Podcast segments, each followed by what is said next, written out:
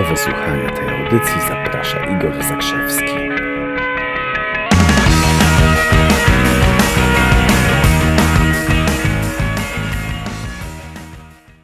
Cześć, dzień dobry.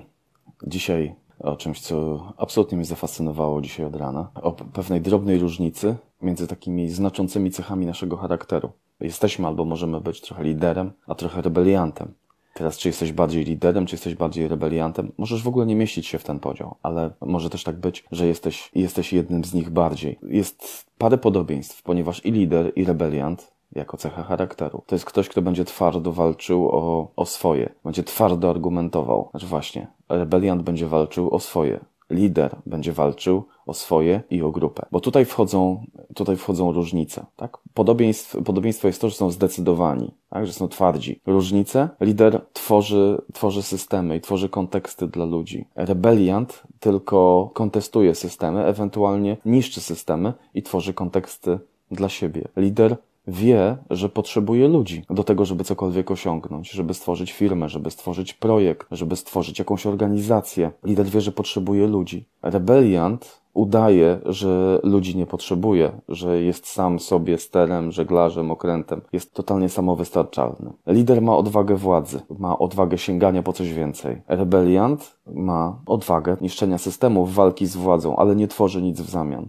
Lider to jest ktoś, dla kogo jedną z motywacji będą pieniądze. Rebeliant udaje, że pieniędzy nie potrzebuję. Dlaczego to? Albo przyszło mi to do głowy dzisiaj z rana, ponieważ jak rozglądam się po naszym kochanym kraju, to widzę sporo rebeliantów, a niewiele liderów. Wydaje mi się, że potrzebujemy liderów. Ja wiem, że jesteśmy silnie doświadczeni przez jakieś tam wojny, powstania, takie, takie, takie historie, żeby, żeby z czymś walczyć, ale czasy mamy takie, świat idzie w takim kierunku i czasy mamy takie, żeby być bardziej liderami niż rebeliantami, czyli żeby coś tworzyć dla ludzi, żeby coś osiągać. Oczywiście cech charakteru jest zdecydowanie, zdecydowanie więcej. Pytanie dla Ciebie. Czy jesteś bardziej liderem, czy rebeliantem? Czy bardziej tworzysz dla ludzi, czy przyznasz się przed sobą, po prostu walczysz z systemem i robisz to z jakiegoś tam własnego, wewnętrznego powodu? Bądź kim chcesz, bądź kim zechcesz naprawdę, byle pod koniec dnia jednak okazało się, że masz to pod kontrolą.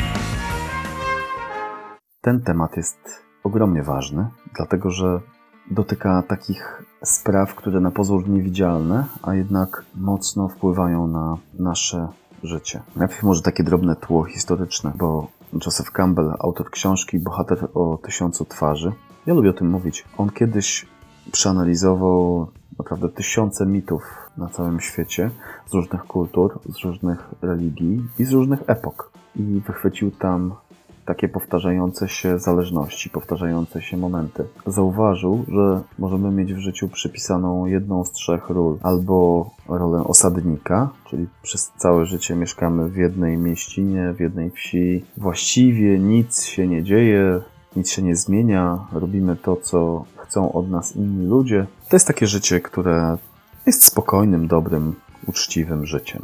I nie ma tam zbyt wielu e, ani dramatów, ani jakichś przełomów.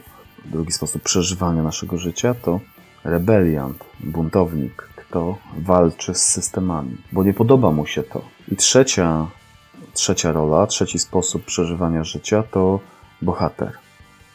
Ktoś, kto od czasu do czasu opuszcza ten ciepły swój zakątek, rusza, w, rusza ku przygodzie, rusza w podróż. No po to, żeby spotkać się ze swoimi demonami. Po spotkaniu się z demonami, po zaprzyjaźnieniu się z demonami, po oswojeniu swoich demonów, po nauczeniu się ogromnej ilości rzeczy z tej podróży, on wraca do siebie, tam ustawiają pomnik, witają go z brawami i on, bo on im wyznacza nowe standardy. Dzisiaj skupiam się na różnicy między dwiema postaciami, czyli jaka jest różnica między liderem, czyli bohaterem, a rebeliantem, buntownikiem. Różnica jest znacząca, mimo że obaj są twardzi, mimo że obaj walczą o coś przeważnie, to tylko lider potrafi długofalowo generować pozytywne scenariusze. Buntownik buntuje się dla samego buntowania, bo nie podoba mu się system. będzie negował systemy, ale nie stworzy nic konstruktywnego, nie stworzy nic produktywnego.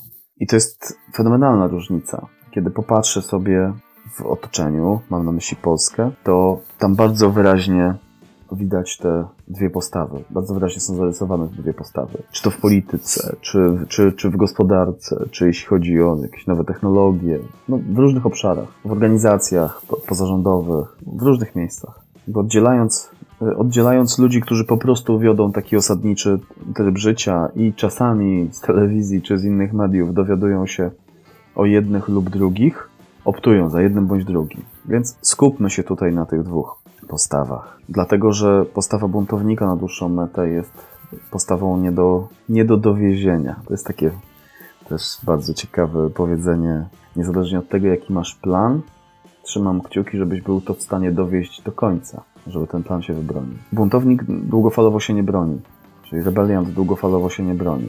To, to nie ma szans. Bez kontestacji systemu, zaatakowania systemu długofalowo nic nie wyniknie potrzebny jest upgrade rebelianta do lidera. To potrafi również kreować pozytywne scenariusze i potrafi zaprosić ludzi do wchodzenia w te pozytywne scenariusze. Oczywiście tam jest podłoże psychologiczne jeszcze i można zupełnie nie wnikając w psychoanalizę, czy zastanawianie się nad tym, co tam jeden i drugi miał w dzieciństwie, lider czy rebeliant, można tylko z całą pewnością stwierdzić, że i lider, i rebeliant są osobami pewnymi siebie, tylko że prawdziwy lider zrobi coś dla ludzi, wykorzysta tę swoją moc, tę pewność siebie, zrobi coś dla siebie i dla ludzi. E, rebeliant zrobi coś, zrobi coś, bo zrobi, ale to głównie będzie dla siebie. Może dlatego społeczeństwo jest ostrożne wobec rebeliantów, buntowników różnej maści, bo oczywiście można, można się buntować i, i to fenomenalnie to fenomenalnie działa, jak się ma 17 lat czy 20 lat. Można być przeciwnikiem systemu i wnosić, wnosić jakąś krytykę do tego systemu. Natomiast pytanie brzmi, czy wciąż jesteś 17-latkiem, czy wciąż jesteś 20-latkiem, czy jesteś w stanie wnosić coś więcej pozytywnego, konstruktywnego do naszej zbiorowej rzeczywistości. Jeżeli nie zrobisz tego upgrade'u do lidera, i to w obojętnie jakim kontekście życiowym funkcjonujesz. Czy jesteś kierownikiem zmianowania, czy jesteś przedsiębiorcą, czy gdzieś pracujesz na etacie i nie masz pojęcia o czym mówię. I tak też jest ok. Cokolwiek robisz, w jakimkolwiek kontekście w życiu, ty nie jesteś po prostu podążający, tylko odnosisz się do odnosisz się do rzeczywistości, to nie wejdziesz szczebelek wyżej, o ile nie dokonasz tej właśnie zmiany, tej właśnie istotnej transformacji z buntownika, rebelianta do lidera.